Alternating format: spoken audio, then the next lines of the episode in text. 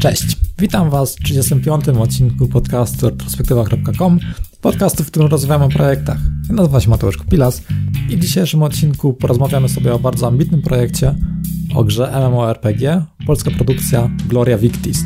Gość dzisiejszego odcinka, Jan Grochowski, przybliży Wam, jak zaczynał taki projekt, jakie problemy pojawiały się po drodze, jak takie MMORPG jest finansowane, ilu osób przy tym pracuje i jak reklamują swoją grę, czyli jak docierają z grą do odbiorców. Zapraszam. I heartily endorse this event or product.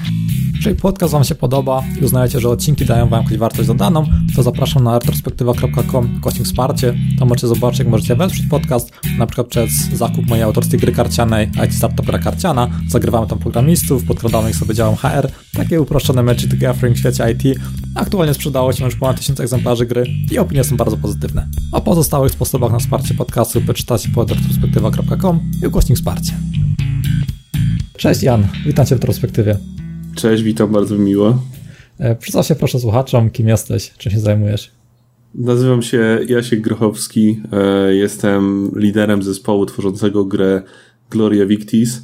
E, zajmuję się rolą producenta i programisty, mimo że jeszcze 3 lata temu, czy 4 lata temu robi, jedyne co robiłem to udźwiękowienie i muzyka. Także typowy indie game dev, człowiek orkiestra. Tutaj myślę, słuchacze kojarzą większość rzeczy, o których wspomniałeś, ale słowo producent e, to nie pojawia się tego aż tak często. Mógłbyś tak hmm. słuchaczom przybliżyć, czym jest producent w game devie? Jasne. Rolą moją jako producenta jest to, żeby maksymalnie dobrze wykorzystać czas całej reszty zespołu. Konkretnie, żeby e, ułatwiać ludziom przekazywanie informacji między sobą, upewnić się, że każdy wie, jakie jest jego zadanie, w jakiej kolejności powinien je wykonywać i że nie będzie przystojów produkcyjnych, czyli osoba na przykład e, tworząca nowy interfejs, w sensie kodująca, że nie będzie musiała czekać na grafiki od grafika w momencie, kiedy już będą one potrzebne. To chyba dobry przykład. No właśnie, jeszcze widziałem kiedyś, e, chyba na Extra Credits był taki film właśnie Kim jest producent i to mhm. chyba sobie zaznaczę, żeby podlinkować pod tym odcinkiem, bo to też myślę jest tak e, bardzo ciekawy temat że dużo osób właśnie nie docenia tej roli producenta. To jest taka osoba, żeby, żeby faktycznie dowieść ten projekt, nie? że ona odpowiada za tą, tą taką całość. Być może przestrzeliłem e, samą definicję producenta, bo, bo jako, że jestem samoukiem i no, jakby odpowiadam potrzebom aktualnym naszemu zespołu. Być może to byłby, nie wiem, technical director w innej firmie, może inne stanowisko, natomiast e, game dev jako taki, zwłaszcza gdy pracuje się w małym zespole, bo nasz zespół liczy na ten moment 13 osób, e, jest bardzo elastyczny i każda, praktycznie każda osoba, która coś robi, mniej lub bardziej umie coś też z innej działki, uzupełniając się nawzajem. Czyli nie jest to taki czysty producent, jednak no, w małym zespole jest to konieczne, by każdy miał jakieś tam 1,5 jakiejś roli. Tak, dokładnie, dokładnie. A rola producenta jest bardzo ważna przy już znaczy, widziałem kiedyś taką teorię, że powyżej 10 osób jest już potrzebny producent. Ja się zgadzam. E, znaczy, w momencie, jak wychodziliśmy naszą grą na Steama, było nas 7 osób jedynie i tam też moja rola jako producenta była bardzo ważna. Po prostu posiadając producenta w zespole zwiększamy efektywność pracy każdej osoby o ileś tam procent, nie wiem, powiedzmy 20. Jeżeli założymy, że 20, no to już przy sześcioosobowym zespole nam się to opłaca. Będziemy mieli tak 120% wydajności więcej kosztem 100% poświęcenia e, producenta. No te no, liczby są bzdurne w tym momencie, tak? Ale, ale no wiadomo o co chodzi. Aż tak, takie orientacyjne. E, mhm. Właśnie tak, gdybyś przedstawił teraz słuchaczom, o jakim projekcie w ogóle mówimy, to już tak mogę zdradzić, że jest to e, MMO, a ciebie bym poprosił, byś powiedział więcej o Gloria Victis. Jasne. Gloria Victis jest e, naszym autorskim projektem w gry MMO. Jesteśmy grą, która od początku stawiała na to, żeby być sieciowa i dosyć unikatowa na rynku ponieważ doskonale zdajemy sobie sprawę, że absolutnie nie mamy szansy konkurować z takimi grami jak, nie wiem, World of Warcraft, Guild Wars czy, czy inne ogromne gry. Stawiamy na dosyć unikatowy setting, ponieważ e, jest to takie czyste, no nie czyste, low fantasy średniowiecze z systemem walki bardzo podobnym do takiej gry Mountain Blade, czyli polega on na tym, że nie tak jak w większości MMO zaznaczamy sobie przeciwnika, po czym klikamy od 1 do 9, wykonując skille. E, tylko musimy w tego przeciwnika rzeczywiście wycelować, musimy zablokować atak do z dobrej strony, musimy wykonać cios z dobrej strony, liczy się głównie skill. Jest to gra bardzo zręcznościowa i taktyczna. No, za Mountain Blade macie u mnie ogromnego plusa, to jest chyba jedna z moich ulubionych gier wszechczasów. Tyle frajdy, ile miałem w tej grze. Dokładnie, my tak samo. No, czyli, czyli nie trzeba e, levelować, e, by być teraz jakimś tam mega przekoksem, tylko jeżeli faktycznie dobrze gramy, dobrze sterujemy naszą postacią, to jesteśmy w stanie pokonać takiego dużo bardziej doświadczonego przeciwnika, czy to teraz dobrze rozumiem? Tak, tak, powiem Ci szczerze. Znaczy, oczywiście jakaś tam progresja postaci jest, bo, bo jest to nieodzowna część e, MMO, ale, ale jako ciekawostkę powiem Ci, że głównymi designerami e, u nas są bracia. Bracia, którzy po prostu byli naszymi najlepszymi graczami PvP, czyli player kontra player, najlepiej walczyli i tak naprawdę często jest tak, że jeżeli zmieniamy coś w grze, w balansie rozgrywki i tak dalej, to naturalnie osobom, które były przyzwyczajone już do tego stanu rzeczy, to się nie podoba. Mówią, że na przykład zmiana jest, nie wiem, teraz już no ostatnio było tak, że już nie można, w ogóle nie, nie ma szans walczyć mieczem dwuręcznym, bo utrudniliśmy bloki i teraz już się nie opłaca nim grać, na przykład tarczownik zawsze zniszczy takiego gracza. No to wyglądało to tak, że po prostu mm, wzięliśmy, powiedzieliśmy, dobra, dajcie nam dwóch takich tarczowników, e, po drugiej stronie wyskakuje Krzysiek, nasz e, combat designer i ich tym dwóch na jednego po prostu, jeden na dwóch pokonuje ich tym mieczem dwuręcznym, który ludzie mówili, że teraz się kompletnie nie opłaca nim grać, prawda? Więc, więc skill w naszej grze jest bardzo ważny, chcemy, żeby była tak zwana easy to learn, hard to master i bardzo często się potykamy na tym, że była easy to learn. To jest strasznie piekielnie trudny temat, zwłaszcza w grach y, online. Tak, szczególnie jeżeli mamy ten, na tym projektem siedzimy masę czasu i wszystkie bronie mamy w małym palcu. Później... Po prostu my, zna, my znamy te zmiany, my wiemy, jest, to jest coś takiego, co się nazywa e, dysonans poznawczy. My, my jak coś wprowadzamy, my to już znamy. I, I bardzo dużą sztuką w game devie jest to, żeby potrafić stworzyć dany system, dany design, przedstawić to graczowi tak, żeby on to dobrze zrozumiał. Tak, dlatego na, na wielu etapach trzeba robić jakieś takie testy, a nie tylko e, patrzeć na naszą intuicję, jak to tam my to widzimy. Tak, tak, tak. Większość, większość słuchaczy tego, tego podcastu to są osoby techniczne. Gdybyś tak mógł przybliżyć e, słuchaczom, jakie technologie stoją za, za tym MMO, co tam jest właśnie pod maską. Jasne. Mm, korzystamy z silnika Unity 3D. Eee, I to jest jakby nasza baza. Natomiast ze względu na to, że jest to gra MMO, mamy dużo e, własnych rozwiązań. Mamy takie rozwiązanie bazodanowe, które nazwane jest DB API. Jest to nasze autorskie rozwiązanie. Chłopaki prowadzili e, kilka razy już wykłady, pokazując e, case study tej naszej bazy danych. Ja ci może podlinkuję to i będziesz mógł to zostawić. E... No pewnie, pod, to już jest chyba 35 odcinek, czyli po retrospektywa.com, kośnik 35 e, będą wszystkie linki, które mi podeślesz albo o, sobie zanotujesz. Okej, okay. jasne, jasne, bo to jest bardzo ciekawy temat. Eee, I no tak jak mówię, korzystamy z, z technologii Unity, eee, natomiast każdy silnik, który jakikolwiek się wybierze do tego typu projektu, jeżeli to jest projekt takiej skali, to na pewno trzeba znać go w małym palcu, a zwłaszcza obchodzić wszystkie dziwne bugi, które występują po drodze i ograniczenia.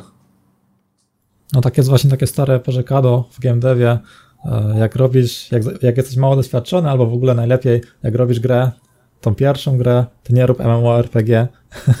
Gdybyś tak. tak. się, tak się mógł do tego trochę odnieść, czy, te, czy też żałujesz, czy u was, to jest taka produkcja, że już jesteście z tym MMO e, tak doświadczeni, że nie żałujecie tej decyzji i wszystko jest ok?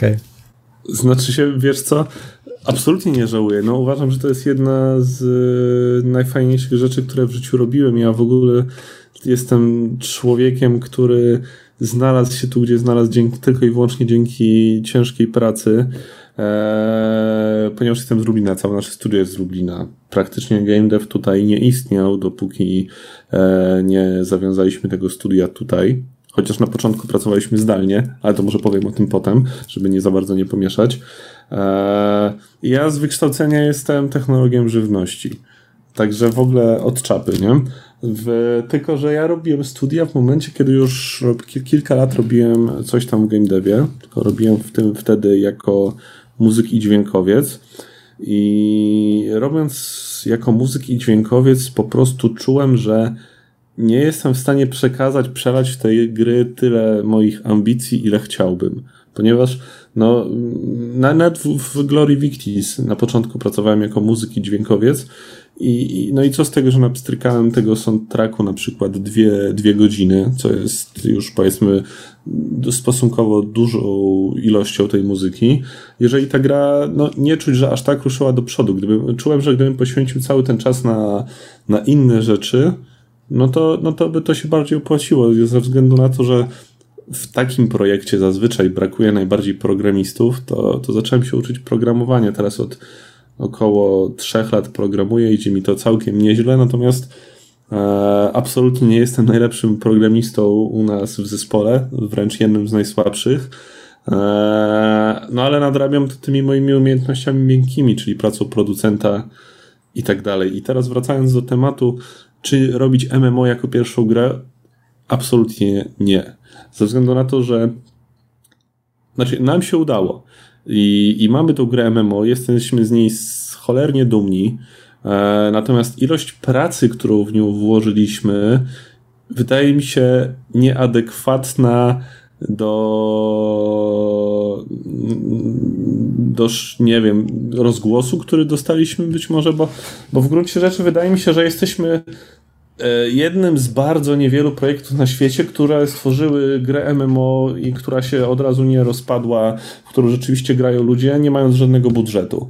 Bo, bo my nie mieliśmy żadnego finansowania poza, poza tym, że w którymś momencie zaczęliśmy sprzedawać wczesną wersję gry u nas na naszej stronie, a następnie na Steamie. Okay, Je, jeszcze, tylko, jeszcze tylko, tak, tylko dopowiem tak naprawdę, że to, czego ludzie sobie nie zdają sprawy w developmencie MMO i to, czego e, nie ma w normalnym tworzeniu gier, jest to, że ja pierwsza rzecz, która robię po wstaniu, kiedy jeszcze moja żona i dzieci śpią, jest taka, że sprawdzam na telefonie, czy nic się nie schrzaniło przez noc, czy jakiś serwer nie padł i tak dalej. Oczywiście mamy wszystko e, zautomatyzowane i w ogóle, ale są różne edge case, że coś tam się potrafi zwalić, a w momencie, gdy masz grę online i na przykład przez kilka godzin serwer leży albo coś tam się stało na nim, no to dostajesz od razu negatywne recenzje na Steamie, a to są realnie bardzo duże koszta, o których też mogę chętnie opowiedzieć potem.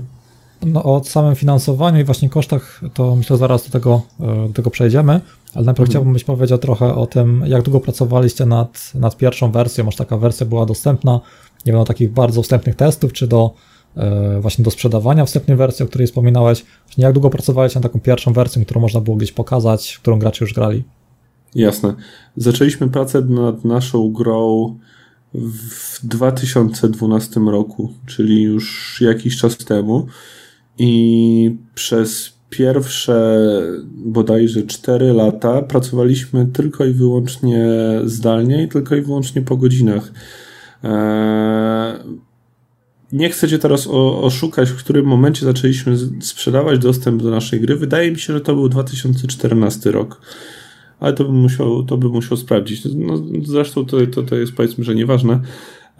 W momencie, kiedy zaczęliśmy sprzedawać dostęp na naszej stronie, to, to realnie mieliśmy z tego taką kwotę, że byliśmy w stanie zapłacić powiedzmy dwóm czy trzem osobom, żeby one zaczęły wciąż zdalnie, ale pracować trochę dłużej niż po godzinach, no i opłacić serwery, jakieś tam sensowniejsze oprogramowanie zakupić i tak dalej. Więc to nie przyspieszyło za mocno pracy. E, dopiero w momencie, kiedy udało nam się dojść na Steam Early Access i wydać tam grę, no to wszystko ruszyło z kopyta. Powiem Ci szczerze, że teraz jak jesteśmy w biurze, to myślę, że miesiąc takiej pracy zespołu, który teraz jest już dotarty i, i, i jest wydaje mi się całkiem nieźle zarządzany i, no i pracuje na miejscu, to taki miesiąc pracy jest zdecydowanie więcej warty niż pół roku pracy przed Steamem, tak? Jesteśmy w stanie zrobić dużo więcej mm, jako zespół. Też mam takie doświadczenia, że bardzo często właśnie tak jest, że taki czynnik, który, który jest często właśnie przeoczony, że no, to jak zespół ze sobą współpracuje, jak jest właśnie tam dograny, dotarty, to ma często dużo większe znaczenie, jeżeli chodzi o progres, niż doświadczenie pojedynczych osób, że to jest właśnie często niedoceniane. Dlatego firmy które tak, inwestują w to, w jakieś tam wyjazdy integracyjne i tak dalej, bo to po prostu no, to działa, takie spala, scalony zespół, który się lubi, który jest dotarty, pracuje po prostu wydajnie. No to jest bardzo ważna sprawa właśnie, żeby ludzie nawzajem w zespole się nie żarli między sobą. Eee, a to było chyba najgorszym, co wspominam w momencie, kiedy e, robiliśmy nasz projekt nie mając pieniędzy. Ze względu na to, że kiedy nie mieliśmy pieniędzy, to tak formalnie to to, to, to, to też nie było szefostwa, tak? No bo ciężko jest wymagać od kogoś czegokolwiek, jeżeli realnie nie jest to praca, nie dostają za to pieniędzy, więc naturalnym jest to, że każdy chce forsować własną wizję gry. A, a pracując w grupie osób, chcąc stworzyć coś, co jest spójne, oczywistym jest, że nie jesteśmy w stanie pogodzić wizji gry każdego, bo każdy ma inną tą wizję gry, co, no, co oczywiście naturalnie powodowało e, wiele jakichś tam spięć i, i tego typu rzeczy. Więc to jest też kolejna rzecz, której bym bardzo nie polecał, czyli robić bardzo duży projekt bez, e, bez jakiegokolwiek budżetu. Bo zawsze, zawsze ktoś tam będzie czuł się jakoś tam pokrzywdzony, że, że włożył ileś tam powiedzmy pracy w to, a gra formalnie nie poszła w takim kierunku, jakim on chciał, tak?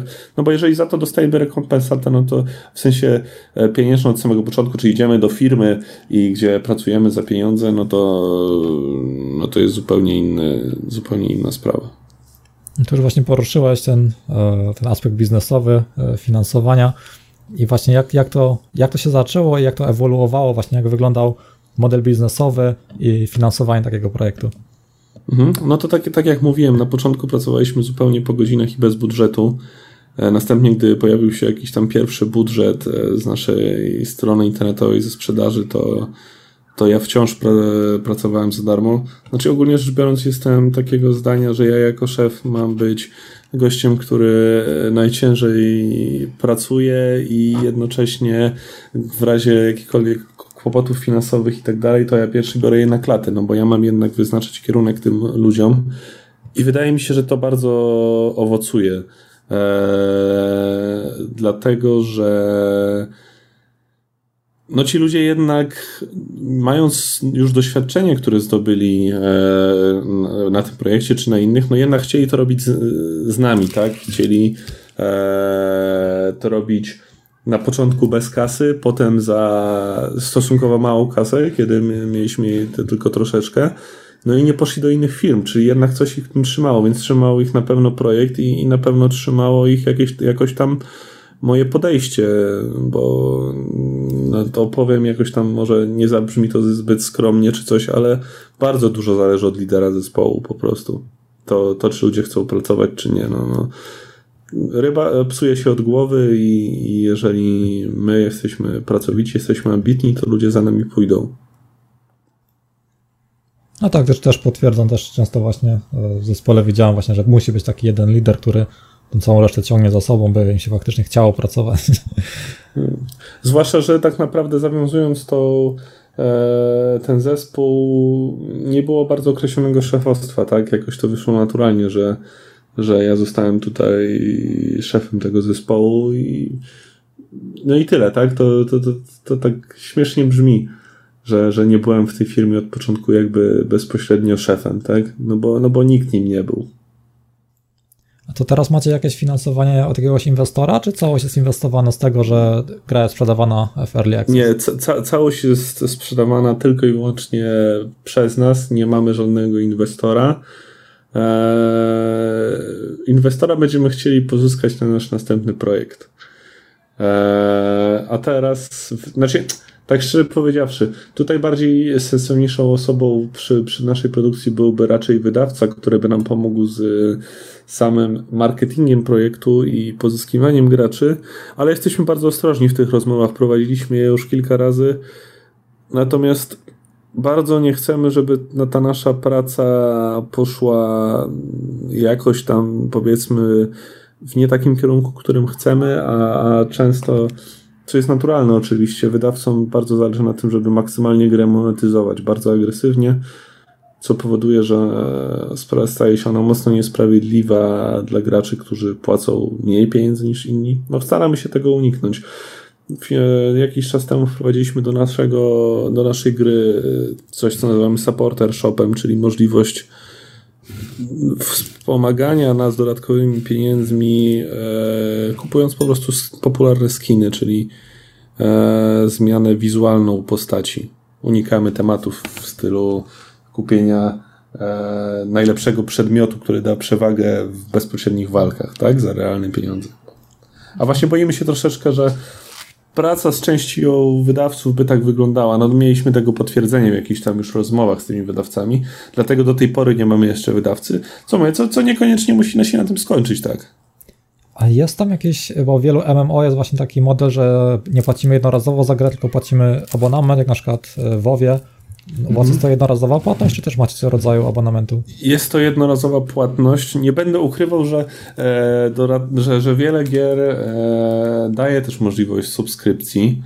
E, I dla nas to też byłoby kuszące ze względu na to, że no to są jakieś tam kolejne dodatkowe pieniądze, które, które bardzo szanujemy i bardzo by się nam przydały.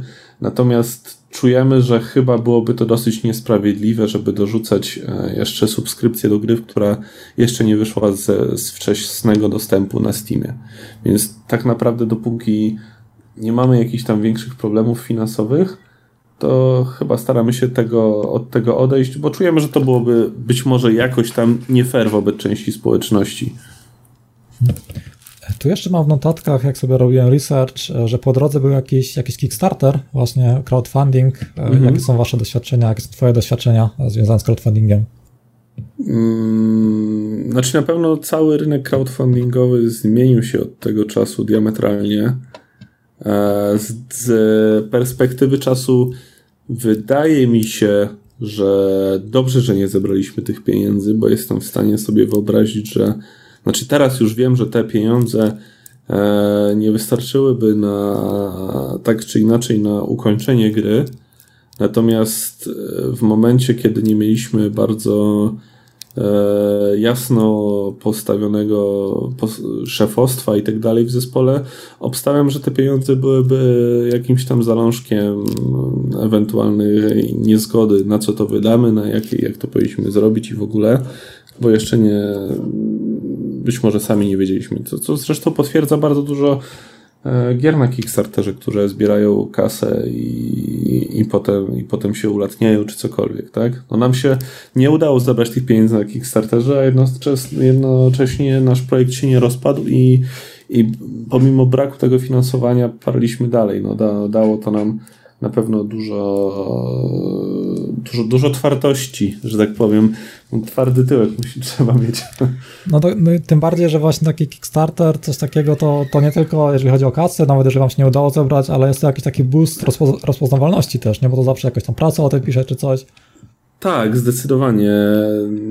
Natomiast e, w tym momencie często nam się to odbija czkawką, że jesteśmy właśnie tym projektem, który że nie, nie zebraliśmy tych pieniędzy i jak przez jakiś tam pryzmat ludzie potrafią to określać, no co uważam, że jest troszeczkę niesprawiedliwe, bo jeżeli nie zebraliśmy tych pieniędzy, a i tak udało nam się stworzyć tą grę, no to chyba świadczy to raczej dobrze o nas. Szczególnie, że mm, ja osobiście uważam, że nie zebraliśmy tych pieniędzy ze względu na to, że w momencie, kiedy weszliśmy na Kickstarter, znaczy oprócz tego, że nasza kampania miała jakieś tam mankamenty, których z perspektywy czasu teraz uważam, że miała bardzo dużo, natomiast e, gdy wchodziliśmy na Kickstartera, wyszła bodajże dzień po nas taka gra, która się nazywa Gridmonger.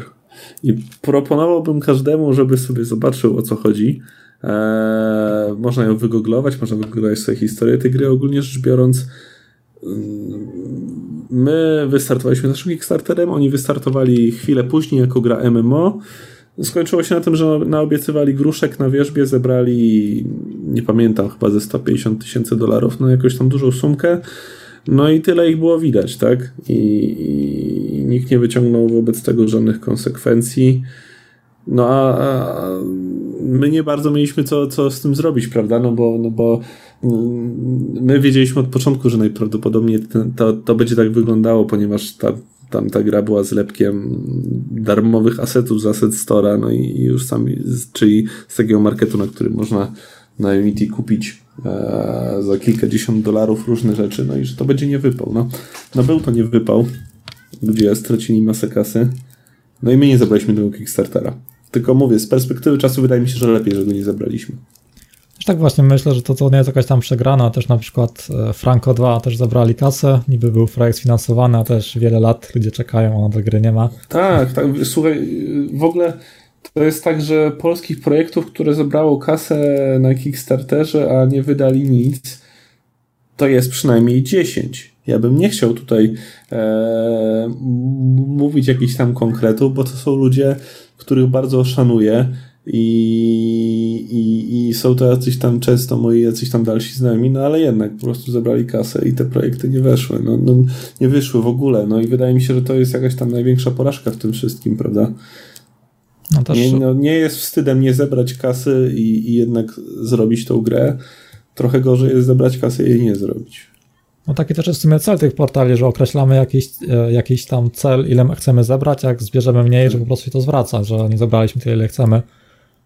Mm, nawet tak, tak, dokładnie. Dlatego my nie zebraliśmy całej kwoty, więc nie dostaliśmy nic. No, jeszcze rozmawiałem właśnie z paroma właścicielami tych polskich największych crowdfundingowych, e, tych portali crowdfundingowych i właśnie mhm. tak mówią, że bardzo się boją wrzucać tam już gry na PC, w ogóle jakieś gry elektroniczne, ponieważ jest bardzo duże prawdopodobieństwo, że, że ten projekt będzie nie wypałem, że tutaj bardzo tak patrzą też już podejrzliwie. No, tak, tak, w ogóle ja powiem Ci szczerze, że już od roku czy od dwóch nie bardzo śledzę tego crowdfundingu, no ale rzeczywiście było tak, że był jakiś tam boom w 2011 czy 2012 roku i masa gier zbierała bardzo duże pieniądze, no ale wiadomo, że to wszystko się załamało w momencie, kiedy ludzie przestali dotrzymywać jakichś tam obietnic, no, no, no ludzie nic nie dostawali, tak? Za, za to masa pieniędzy została e, źle spożyta najprawdopodobniej, tak? E, i, I tyle, bo jeżeli ktoś jeżeli ktoś źle przeestymował projekt i po prostu dowiózł coś tam, co było słabsze, albo dowiózł coś, co było niekompletne, no ale coś tam dowiózł, no, no to, już, to już i tak jest nieźle, tak? No najgorzej jak się pojawiał ktoś, kto zebrał kasę i wydał je na no nie wiem na co, na, na samochód czy, na, czy, na, czy w barze, tak? No to, no to to jest trochę lipa. Bo takie sytuacje też się zdarzały. Można sobie poczytać o tym Gridmongerze. Przed podcastem rozmawialiśmy o czymś takim właśnie związanym z Early Access. Już wspominaliśmy, e, że, że gra jest aktualnie w Early Access, tego jest też częściowo finansowana i tam rozmawialiśmy o czymś, o update'cie e, gry co tydzień, że to się dobrze u Was sprawdza. Gdybyś mógł tak to teraz e, przybliżyć słuchaczom, o co chodzi z tym, że wrzucacie update na Steama co tydzień i dlaczego jest to Twoim zdaniem dobre? Jasne. Eee, postawiliśmy sobie na taką politykę, która kosztuje nas bardzo dużo pracy, że staramy się wrzucić update do naszej gry co tydzień, większy lub mniejszy ale co tydzień. Powoduje to oczywiście to, że z jednej strony nie mamy takiego efektu, że jest jakiś jeden wielki update i, i jest jedna wielka bomba marketingowa. E, natomiast powoduje to to, że ludzie wiedzą, spodziewają się, że co tydzień dostaną coś tam nowego, coś zostanie poprawione. Rozmawiamy z nimi na co dzień. Poświęcam codziennie powiedzmy godzinkę czy dwie na to, żeby porozmawiać z community, dowiedzieć się, jakie są ich potrzeby i starać się je wypełnić. Oczywiście nie wszystko da się zrobić w, w tydzień, e, dlatego, dlatego te aktualizacje są różnej wielkości. Natomiast, natomiast wydaje mi się, że ta polityka e, bardzo nam się opłaca. E, sporo gier, które uznawaliśmy, że będą naszymi jakimiś takimi bezpośrednimi konkurencjami. Wyszło na Steamie, był chwilowy na nie boom, po czym dosłownie zapadały się e, pod sobą i, i w tym momencie mają po, nie wiem, dwóch czy pięciu graczy online. No co wiadomo, że jest kiepskim wynikiem jak na grę MMO. E, wynika to właśnie z tego, że w dzisiejszych czasach na Steamie mamy tyle gier, że jeżeli nie wydamy aktualizacji raz na tydzień czy raz na dwa tygodnie, to ci gracze odpadną. My już mamy doświadczenie wielokrotne, że jeżeli rzeczywiście nie wydaliśmy tego update'u w czwartek, a wydaliśmy go w piątek, to już praktycznie cały marketing siadał. Bo z jakiegoś powodu ludzie potrzebują aktualizacji w czwartek. Znaczy mówi się tak w sumie, że w czwartek ludzie myślą, w co będą grać i to, co dostaną na swoim Facebooku czy cokolwiek, będzie definiować to, w co będą grać w weekend. U nas to się sprawdza.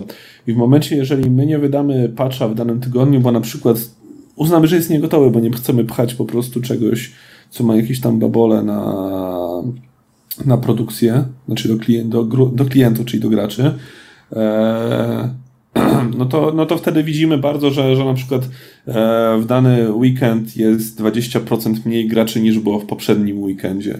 I to są często gracze, których już nie odzyskamy, bo oni po prostu poszli grać w inną grę i już przy niej zostali.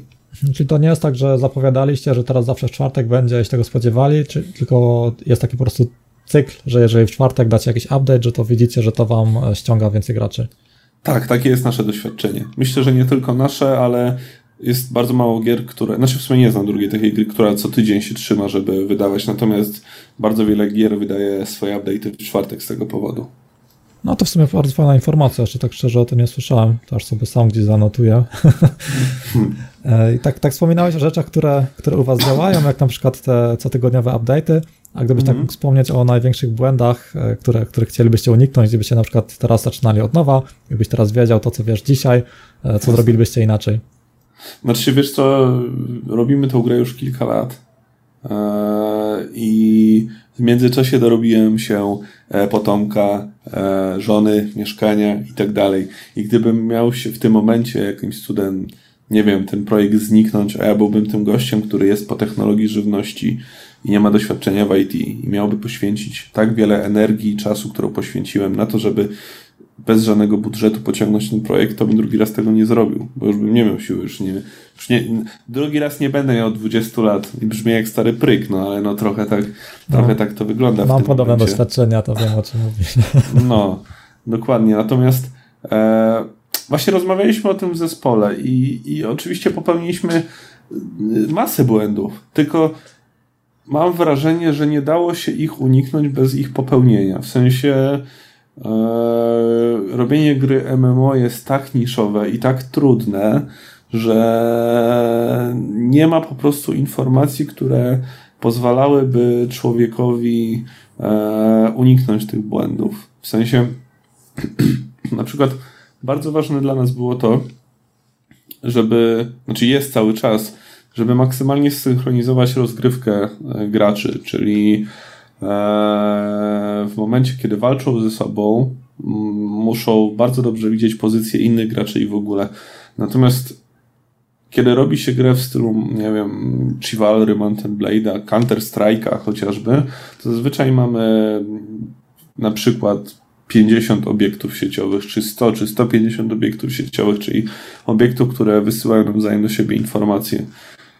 U nas, ze względu na to, że to jest MMO, na jednym serwerze w tym momencie mamy do 200 graczy, w tym około 2000 AI, czyli, czyli NPC-ów, czyli graczy sterowanych przez serwer, tak, sztuczną inteligencję i kilka tysięcy obiektów w stylu surowców, budynków zbudowanych przez graczy i tak dalej. To wszystko musi się przesyłać sieciowo, ze względu na to, że jest to gra, w której aktywnie blokujemy ciosy, bo to, to jest bardzo ważne. To, że jeżeli na przykład w Counter Strike'u aktywnie strzelamy, to możemy sobie pozwolić na to, żeby sprawdzić na przykład gdzie na serwerze, jeżeli ktoś miał jakiś tam większy ping, to jesteśmy w stanie uwzględnić jakiś cios, że był możliwy na podstawie tego, gdzie kilka kilka y, klatek temu był nasz przeciwnik i, tak działa na przykład Counter-Strike. U nas to jest niemożliwe ze względu na to, że jest aktywna obrona przed atakiem. Możemy zablokować ten cios, więc musi wszystko być maksymalnie zsynchronizowane i synchronizacja, którą my posiadamy na ten moment e, nie jest mega najlepsza. W sensie wiemy, że nasi gracze często mówią, że jest problematyczna, Natomiast wynika ona z tego, że musimy, że realnie, żeby ona działała perfekcyjnie, ona musi być lepsza niż w grach pokroju, nie wiem, Counter Strike'a czy PlayerUnknown Battlegrounds i tego typu gier, bo mamy tą aktywną obronę. I my chcieliśmy do tego podejść tak, żeby mieć mogę mówić technikaliami, prawda? Bo, bo ludzie znaczy, pewnie, pewnie. To są osoby są mocno techniczne, które to słuchają. No właśnie, no właśnie. E, można poruszać graczem na dwa sposoby. Można poruszać nim, e, wysyłać input i poruszać nim po serwerze, po, po tym, czyli wysyłam tylko input i poruszam po serwerze, lub można poruszać graczem po kliencie i na serwerze autoryzować ten ruch. I my po wyjściu na Steama wsadziliśmy bardzo dużo pracy, e, aby ten input, wysyłać tylko input i poruszać graczem na serwerze, jednak ze względu na to, jak mamy ogromny świat, jak wiele graczy ze sobą naraz interaktuje i tak dalej, powodowało to to, że gracz często miał takie mikrorzucenia. One, one teoretycznie, jak się oglądało grę na przykład na YouTubie, nie były aż tak widoczne, ale kiedy miałeś to pod palcami, to to czułeś. I to było bardzo nieprzyjemne dla, dla początkowych graczy. I na tym straciliśmy masę graczy. W sensie zadowoleni byli endgame'owcy, czyli ci, którzy właśnie już grali, e, doszli do wysokiego levelu, ale jest to tak zwany survival bias. Czyli to są gracze, którzy nie odpadli przez to sito problemów związanych z wejściem do gry. I, i, i, i przez to sito odpadała nam ogromna ilość graczy i wiedzieliśmy, że to jest związane z tą synchronizacją. I w momencie, kiedy przeszliśmy na to, że gracz porusza się po kliencie, a serwer to autoryzuje, spowodowało to to, że ta nasza synchronizacja wydaje się odrobinę mniej dokładna. I, I ci gracze endgame'owi to czują i, i często wspominają, że kurde, kiedyś to było, kiedyś to było lepiej. I zgadzam się, to prawda. Tylko wtedy mieliśmy trzy razy mniej graczy na serwerach, ponieważ ten kontroler był tak nieprzyjemny pod palcami, że ogromna większość ludzi odpadała na samym starcie. I, i, I to, ile czasu spaliliśmy na to, żeby zrobić to serwerowo, i to rzeczywiście działało wtedy, ale ostatecznie stwierdziliśmy, że kurde, no to nie ma sensu, bo to nigdy nie będzie dobrze działać w grze MMO, bo to ma szansę działać w grach, które mają bardzo kontrolowane środowisko. W sensie jest na przykład maksymalnie 64 graczy, czy tam 32 i nie ma wtedy problemu. Możemy to zrobić, ale tutaj, jeżeli jaka, jakakolwiek fluktuacja pingu czy, czy FPS-ów na serwerze powodowała, że, że ten gracz dostawał jakieś tam e, mikrowstrząśnięcia. Mówię, to to są problemy, których nie widać na mniejszej skali problemu, a wychodzą dopiero potem. I, I gdybyśmy od razu poszli tą ścieżką, że dobra, robimy to po kliencie, zostajemy tak jak po kliencie i, i wiemy to, co wiemy teraz i robimy to tak jak teraz, bo uważam, że teraz mamy to zrobione całkiem fajnie, e, no to byśmy zaoszczędzili przynajmniej pół roku pracy kilku osób. W momencie, kiedy mamy 13-osobowy team, to jest ogrom, to jest po prostu mega. Natomiast nie wiem, czy gdybyśmy nie, gdybyśmy nie popełnili tego, co teraz moim zdaniem jest błędem, to czy byśmy byli w stanie stworzyć rozwiązania, które mamy teraz, bo, bo na każdym błędzie nabiera się doświadczenia. Te błędy są mega kosztowne, te błędy bardzo często kosztują w ogóle e, życie gry, bo bardzo dużo gier pada na, na Steamie. E, no ale no nie, wydaje mi się, że nie mogliśmy tego uniknąć, bo nikt jeszcze w Polsce oprócz nas nie, nie zrobił MMO o takiej skali, które my mamy. No po, i, i będąc oczywiście 3D, bo są gry w stylu Margonem czy Duma Taernu, które są świetnymi grami absolutnie chylę czoła przed twórcami, natomiast są to gry, które są 2D i pod względem sieciowości one są nie wiem, 30 razy łatwiejsze pewnie. Też w sumie nie kojarzę jakiś, jakiś, jakikolwiek w sumie polskich produkcji MMO. E, z takich... Bardzo polecam Doom Eternu, w sensie uważam, że to są absolutnie wymiatacze. Mało gra jest znana e, w naszym wieku, bo w sumie tam grają raczej młodsi gracze, ale jest, uważam, że jest, to jest kawał dobrej roboty. Z takich, e, bo właśnie wspominałeś trochę o takich typowych problemach gier MMORPG, których pewnie no, wiele deweloperów w ogóle nie jest świadomych, jeżeli robią tylko gry takie proste gry sieciowe, że tam się właśnie jak mówiłeś, kontrolowane środowisko do 32 graczy czy coś, mhm. to mogę jako ciekawostkę wspomnieć, e, bo kiedyś grałem dużo Ultima Online, to była jedna z takich pierwszych gier MMORPG, to miałem takiego kumpla na serwerze, który nosił ze sobą jakiś taki worek z przedmiotami, to miał tak dużo przedmiotów, że gdyby w jakimś momencie, że wiedział, że zaraz zginie, to ten worek z tymi przedmiotami otwierał i w tym momencie cały serwer padał i się cofało wszystko i później był reset i cofka o 5 minut. To był taki jego hak, że jak mu źle idzie, zaraz ginie. No otwiera, tak. no, otwiera worek i serwer pada. Powiem ci, na szczęście nie było u nas takich sytuacji, ale jak najbardziej jestem w stanie sobie wyobrazić, że, że bardzo łatwo jest do czegoś takiego dopuścić. W ogóle, tak jeszcze ci powiem jako taką ciekawostkę, tak jak mówiłem o tej retencji graczy, o tym sicie początkowym, to uczymy się na co dzień zupełnie nowych rzeczy, to jest super. W sensie mnie to strasznie jara, że, że robimy taką grę, jaką robimy, bo ze względu na to, że gra w nią sporo ludzi i to jest gra multiplayer, to my widzimy analityki, gdzie ludzie odpadają i w ogóle i, i taką anegdotką, którą często opowiadam jest to, że wprowadziliśmy jakiś rok temu nową nację i się okazywało, że w tej nacji prawie nikt nie nabijał tego setnego levela, tego endgame'u. I, I tych mikroproblemów było dużo, bo one zawsze są i, i nadal są i cały czas to łatamy. E, natomiast problemem największym było to, że w którymś tam momencie, bodajże na szóstym czy na ósmym levelu, e, gracz robiąc questy musiał oddać questa cofając się. Dosłownie chyba z 50 metrów, czyli powiedzmy zajęło to graczowi 15 sekund, czy coś koło tego. Po prostu, żeby oddać i otrzymać nagrodę za questa, bo do, na, na początku gracz parł cały czas do przodu, potem musiał się cofnąć. Na tym, że gracz musi się cofnąć, traciliśmy ponad 50% naszych graczy. Na tym, że w jednym questie musiał się cofnąć jakieś tam 50, 15 e, czy 30 metrów. Okay, a to macie, 50, macie wszyte takie analityki, które takie rzeczy... Tak, tak, tak, oczywiście. W sensie, powiem szczerze, w tym momencie, jak my to dowiedzieliśmy się, to, to bardzo mocno poszliśmy na takie analityki. Eee, właśnie gramy moje super też pod tym względem, że mamy analityki ekonomiczne, tak? Sprawdzamy, ile dziennie gracze wydają pieniędzy na dane przedmioty, ile gracze zarabiają sprzedając przedmioty do NPC-ów, ile gracze zarabiają wykonując dane eventy i tak dalej, i tak dalej. Czyli możemy sobie to, widzimy, że gdzieś tam ludzie najbardziej chodzą, a inne eventy są praktycznie omijane przez graczy. Patrzymy, co się dzieje. Aha, dlatego, że na danym przeciętnym levelowym e, otrzymują za mało e, wynagrodzenia za te eventy. Bach, poprawiamy to po dwóch tygodniach, czy tam po tygodniu, jak to się rozejdzie pocztą pantoflową między graczami, widzimy, że to jest wyrównane. To są rzeczy, które mnie strasznie jarają e, e, w tworzeniu gry MMO.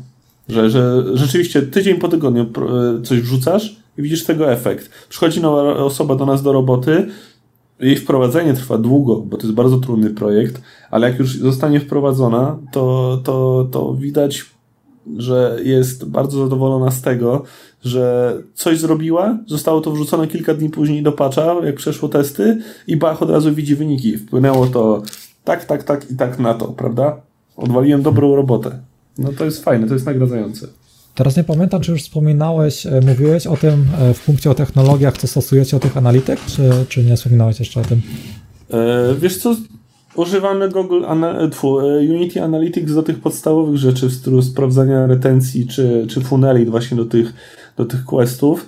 Natomiast narzędzia analityczne do, do ekonomii to mamy swoje. W sensie one też nie są jakieś super skomplikowane, bo tego też nie trzeba. Po prostu E, logujemy wszystkie operacje, które dzieją się z przedmiotami i złotem, wypluwamy to sobie do Excela, na tej podstawie sobie to sortujemy w jakichś tygodniowych, miesięcznych zestawieniach dla danych e, partii graczy czy serwerów i, i tyle. To, to, to nie jest jakiś rocket science, to po prostu najważniejsze jest odpowiednio to odczytać. Ok, czyli logujecie sobie dane, zbieracie to i wrzucacie do Excela i tam to później sobie tak, już porównujecie. Tak, tak. Okay. tak, bo to jest strasznie ważne, żeby zbierać takie dane, w sensie te dysonansy poznawcze, czyli e, to, że mamy jakieś dane i odczytujemy je tak, jak chcemy, a nie tak, jak jest naprawdę, są strasznie częste. E, taką też właśnie mam anegdotkę, ale ona była może 3 lata temu, e, wprowadziliśmy do naszej gry naprawianie przedmiotów, psucie się i naprawianie przedmiotów. I dostawali, dostaliśmy na forum taki bardzo ostry feedback, że w ogóle to teraz się już nikomu nie chce grać, bo ta, trzeba non-stop naprawiać itemy, ludzie nic nie robią, tylko naprawiają te itemy i w ogóle. I, i po czym sprawdziliśmy na analitykę i w momencie, kiedy minął dzień czy dwa e, od wprowadzenia tego feature'a i pojawił się ten post, tylko cztery osoby naprawiły swoje itemy, bo tylko cztery osoby musiały je naprawić. Czyli dostaliśmy informację, że to jest schrzanione, że wszyscy po prostu teraz siedzą non stop naprawiają itemy, a to dotyczyło tylko czterech osób. bo akurat to dotyczyło tych czterech osób, które grały razem i, i jakieś, jakoś tak grały, że one sobie psuły te przedmioty, tak? Czyli jeżeli byśmy tak naprawdę na podstawie feedbacku tych osób zrobili zmiany, to one by były najprawdopodobniej kompletnie złe. Mhm, czyli, czyli twarde dane dużo lepsze niż tam słuchać sobie akurat jednego krzykacza, któremu coś się konkretnie nie podoba. Znaczy, warto też takich osób słuchać, bo, bo bardzo ważną e, rzeczą jest to, że jeżeli ktoś zwraca uwagę, że coś jest nie tak, to najprawdopodobniej ma rację, że coś jest nie tak. Tylko najprawdopodobniej rozwiązanie, które proponuje, nie, e, jest błędne. No i to, to się sprawdza w praktyce. No to też to właśnie już związane, związanego generalnie właśnie stworzenia programowania, coś takiego słyszałem, e, że user jest świetny w tym, by, zna, by powiedzieć ci, co jest, co jest złe, co nie działa, ale jest okropny w tym, e, w proponowaniu rozwiązania, co, co by to poprawiło tę sytuację. Często i statystycznie tak, natomiast my staramy się rozmawiać z naszymi graczami i bardzo często jest tak, że kiedy chcemy wprowadzić jakiś nowy system albo usprawnić coś, to po prostu zakładamy temat na forum, w którym każdy może się wypowiedzieć, rozmawiamy z tymi ludźmi i bardzo często gracze e, podpowiadają nam bardzo sensowne rozwiązania, ale to, no właśnie, bo co innego, kiedy podpowiada je gracz, który gra w grę bardzo krótko, a co innego gracze, którzy, tak jak mamy takich ludzi, którzy mają już 10 tysięcy godzin przegranych w naszą grę. No to jest, to są ludzie, którzy często znają tą grę powiedziałbym, że być może nawet lepiej niż my pod względem jakichś tam konkretnych gameplayowych rozwiązań, tak, co, co stosują. A macie taką osobę w zespole, taki typowy community manager, który się, który się głównie właśnie zajmuje tym, tym e, kontaktem z graczami, z tym zakładaniem tematów? Czy to, robią, czy to robisz po prostu ty, czy jakaś osoba Wiesz co, robię, robię to zazwyczaj i ja, i nasz e, designer. Ze względu na to, że z jakiś czas mieliśmy osoby, które nam w tym pomagały. E, natomiast overall wychodziło na to, że po prostu te pieniądze lepiej przeznaczyć na osobę, która będzie e, konkretniej tworzyła już jakiś tam konkretny content, bo, bo, no bo my, my już znając tą grę tak długo mieliśmy lepsze wyczucie do tych osób i, i no, może to jest kwestia naszego doświadczenia po prostu, tak? Ale, ale w tym momencie community supportem, e, community managementem zajmuje się, zajmujemy się my bezpośrednio deweloperzy to omówiliśmy te takie e, fajne rzeczy związane z developmentem, ze zbieraniem feedbacku i tworzeniem tego, co fajne. Teraz może przejdziemy do tych mniej ciekawych rzeczy, jak właśnie nie, nie, mniej ciekawych, ale koniecznych. E, reklamowanie, marketing, jak, jak docieracie do graczy, jak sprawiacie, by, by więcej graczy dowiedziało się o waszej grze i co się u was najlepiej w tej kwestii sprawdza. Ogólnie rzecz biorąc, ze względu na to, że jesteśmy małym zespołem ze stosunkowo małym budżetem, E, na naszą promocję staramy się prowadzić głównie pantoflowo. To znaczy staramy się pokazać się od tak dobrej strony, żeby ludzie ściągali e, swoich przyjaciół, znajomych, żeby, żeby grali w naszą grę, bo tu mogą porozmawiać z deweloperami. To jest bardzo często widoczne u nas, że, że ludzie przychodzą z innych gier, wkurzeni, że tam deweloperzy ich nie słuchają, nie chcą ich słuchać i w ogóle. Uważam, że uważam, że chcą ich słuchać, tylko źle to przedstawiają, tak? Eee, natomiast u nas to się sprawdza. I staramy się też wymyślać jakieś różne takie niestandardowe eee, podejścia na przykład teraz ty do mnie napisałeś najprawdopodobniej przez to, że na wykopie zaczęliśmy, na wykopie na Reddicie taki, taki nowy e, challenge, który sami sobie postawiliśmy, żeby 100 dni, dzień po dniu jakieś tam ciekawostki z developmentu e, gry MMO e, publikować. To może, to może się wtrącę, bo właśnie e, przypomnieliście się mnie, e, przypomniałem sobie właśnie o was, gdy zobaczyłem właśnie ten dziennik, ale już, już miałem was, już miałem ciebie właśnie na liście do podcastu, od, odkąd nagrałem chyba wywiad z autorem The Memes, Memes The Beginning, właśnie zasugerował, by ciebie zaprosił i miałem cię na liście już dawno, ale jakoś nie zabrałem się za to, by do ciebie napisać. Jasne, no widzisz, no i, i czyli zadziałało, prawda? No, tak, tak. Wiadomo, że to nie są rzeczy, które tworzą jakieś gigantyczne e, Jezu, brakuje mi słowa wyniki, no, natomiast coś, o, zasięgi, tak. Natomiast e, no jakoś to, jakoś to działa. E, naszym po prostu celem jest w tym momencie to, żeby zbudować sobie na tagach, na Reddicie i na Wykopie stosunkowo duże community, po prostu łatwiej wtedy będzie puszczać wici, puszczać te newsy gdzieś tam dalej, bo ciężko jest nam się przebić na różnych portalach o grach, bo bo nie mamy takich bardzo wielkich update'ów, jak już wspomniałem. W sensie nasze update'y są co tydzień, więc overall jest bardzo dużo tego kontentu. Natomiast nie ma takiej bomb, o których y, chciałyby pisać portale, więc mamy mało, mało rzeczy na portalach. No i, no i tyle. Przepraszam, wezmę dziecko. No. E, no tak naprawdę jeszcze bardzo ważnym jest to, tak jak e, mówiłem wcześniej, te nasze tygodniowe update'y. To bardzo działa. I kilka razy udało nam się na fali tego obsnięcia się naszej konkurencji, kiedy wychodziła jakaś gra, a następnie nie wydawała update'ów i padała, po prostu zagadać do danego community tej gry. Znaczy, o, oczywiście uprzednio e, rozmawiając z autorami tej gry, czy to nie będzie jakieś tam nie odbioru tego jakoś negatywnie, ale skoro i gra już padła, a była dosyć podobna do naszej, to czy nie chcieliby po prostu pozwolić nam zrobić jakiegoś tam giveawaya E, na swoim forum, na Steamie i tak dalej naszych kluczy, przez co ludzie się dowiadywali, że taka gra powstaje, część ludzi dostawała te klucze za darmo, przychodziła, mówiła reszcie, ej, Good Revictis jest fajna. No i przychodzili tutaj do nas. No to dużo mamy takich, takich osób. A próbowaliście budować jakąś listę mailową, oprócz tych właśnie zasięgów typu tagi na Reddicie, wykopia, by na przykład e, jakiś formularz zrobić typu jak przyjdziecie na listę mailingową, to otrzymacie w grze jakiś tam specjalny pancerz, coś takiego, taki lead magnet. Mm. Korzystaliście z mailingu, czy nie robicie tego? Nie, znaczy jeszcze nie próbowaliśmy. Jest to na pewno jakiś tam dobry pomysł i powiem Ci, akurat o czymś takim nie myślałem, e, ale o jakichś tam reflinkach i tak dalej myśleliśmy jakiś czas temu i myślę, że to będzie w którymś momencie moment na to. W tym momencie skupiamy się na tym, żeby dopchnąć naszą grę jak najdalej, żeby ona była żebyśmy mieli jak najmniejsze sito tych początkowych graczy, tak? Żeby, żeby jak najwięcej osób dochodziło do, do końca gry, żeby, żeby uznawali, że jest super, ale no wiadomo, to też jest w pewnym sensie błędne koło, ze względu na to, że bardzo dużo osób nie dołączy do naszej gry i wielu innych gier, ze względu na to, że nie mają bardzo dużo community, no nie mają bardzo dużo ludzi online, tak? U nas to są liczby rzędu powiedzmy 200-250 osób, co co z jednej strony wydaje się, kurde, to jest mało jak na MMO, z drugiej strony jest to 95% więcej, jest to więcej niż 95% gier na Steamie ogólnie rzecz biorąc ma.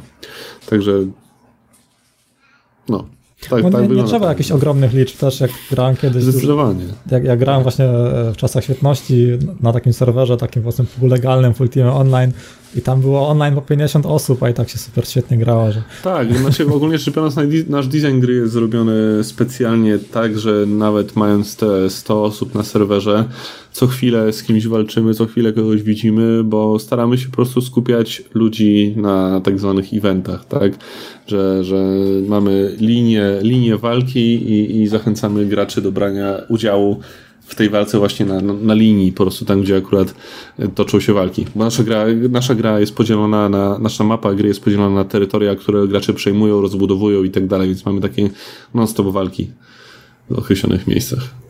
Już trochę wspominałeś o, o planach kończenia, e, jak, jak właśnie, że zmierza to wszystko ku końcowi, wygra była ukończona.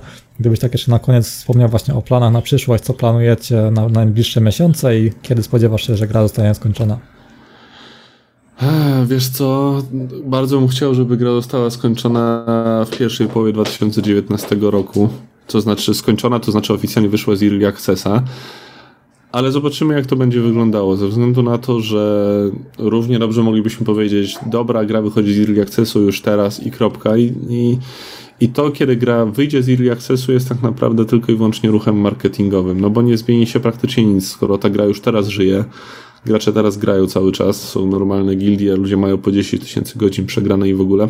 My po prostu chcemy być pewni, że ta gra będzie e, na tyle dopracowana, żeby, żeby nie było problemu, że, że gra wyszła z Early Access i jest zbagowana. Oczywiście to działa dwie strony, bo, bo ludzie, ludziom się nie podoba to, że jesteśmy tam już dwa lata w Early Accessie Co też absolutnie rozumiem, no nie jesteśmy w stanie tego po prostu przeskoczyć. World of Warcraft, zanim w ogóle został pokazany ludziom, z tego co wiem, powstawał 7 lat. E, Wildstar, który ostatnio niestety upadł, ale miał setki milionów dolarów budżetu, powstawał 10 lat. Guild Warsy, z tego co wiem, powstawały 6 lat. Także jak na zespół, który jest przynajmniej 10 czy 15 razy mniejszy niż zespół tworzący jakąkolwiek z tamtych gier, uważam, że radzimy sobie bardzo, bardzo dobrze. No Dodatkowo mamy jakiegoś tam asa w rękawie, o którym dopiero będziemy mówić w pobliżu PGA, czyli za jakieś 3 tygodnie. To trzymam mocno kciuki, tak się zastanawiam, właśnie chyba też zacznę w to grać, bo skoro wspominasz właśnie, że tam jest walka podobna jak Mountain Blade, po prostu jedna z moich ulubionych gier, tak jak wspomniałeś, że tam jest właśnie tego typu walka, to mnie już strasznie zachęciło. Mm. Jasne, zachęcam, jak najbardziej. No, że możliwe, że e, niedługo dołączę. Wszystkie linki związane z odcinkiem, jak zawsze, znajdziecie na stronie podcastu. Jest to 40, nie 40, fu, 40, 35 odcinek podcastu, czyli e, linki związane z tym odcinkiem znajdziecie po retrospektywa.com i kośnik 35. To tak jeszcze na koniec. E, to Brian, dziękuję bardzo za, e, że wpadłeś do podcastu. dziękuję bardzo za zaproszenie. Jeszcze nigdy nie, nie dało się pogadać o MMO, a to jest w sumie taki no bardzo ciekawy temat, e, rzecz, którą się najczęściej odradza ludziom, a tu się znalazła grupa osób, która to robi i nawet radzi sobie nie najgorzej. Dziękujemy. I to już wszystko w dzisiejszym odcinku. Bardzo dziękujemy za słuchanie. Wszystkie linki związane z odcinkiem znajdziecie pod retrospektywa.com ukośnik 35, tak jak 35 odcinek podcastu.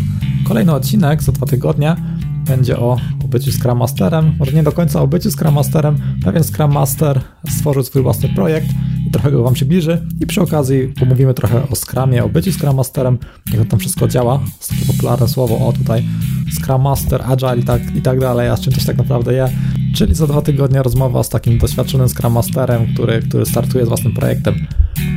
Na zakończenie krótkie ogłoszenie parafialne. Trwa aukcja charytatywna, na której można wylicytować własną kartę w planowanym dodatku do gry karcianej IT Startup, czyli można sobie zapewnić wieczną chwałę przez obecność na karcie planowanego dodatku do gry i przy okazji wesprzeć Anię w walce z rakiem. Cała kwota e, trafia dla konta fundacji na subkonto od Ani. Aukcja trwa do końca przyszłego tygodnia, czyli do 14 października. Aukcja zaczęła się niewinnie od 10 zł. Aktualnie najwyższa kwota w licytacji to 1234 zł.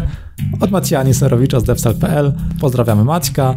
E, jeżeli ktoś chciałby Maćka przebić i zapewnić sobie wieczną chwałę na, na karcie planowanego dodatku, to zapraszam. Link będzie, link będzie pod, e, pod podcastem w zbiorze linków tego odcinka, czyli pod retrospektywa.com ukośnik 35.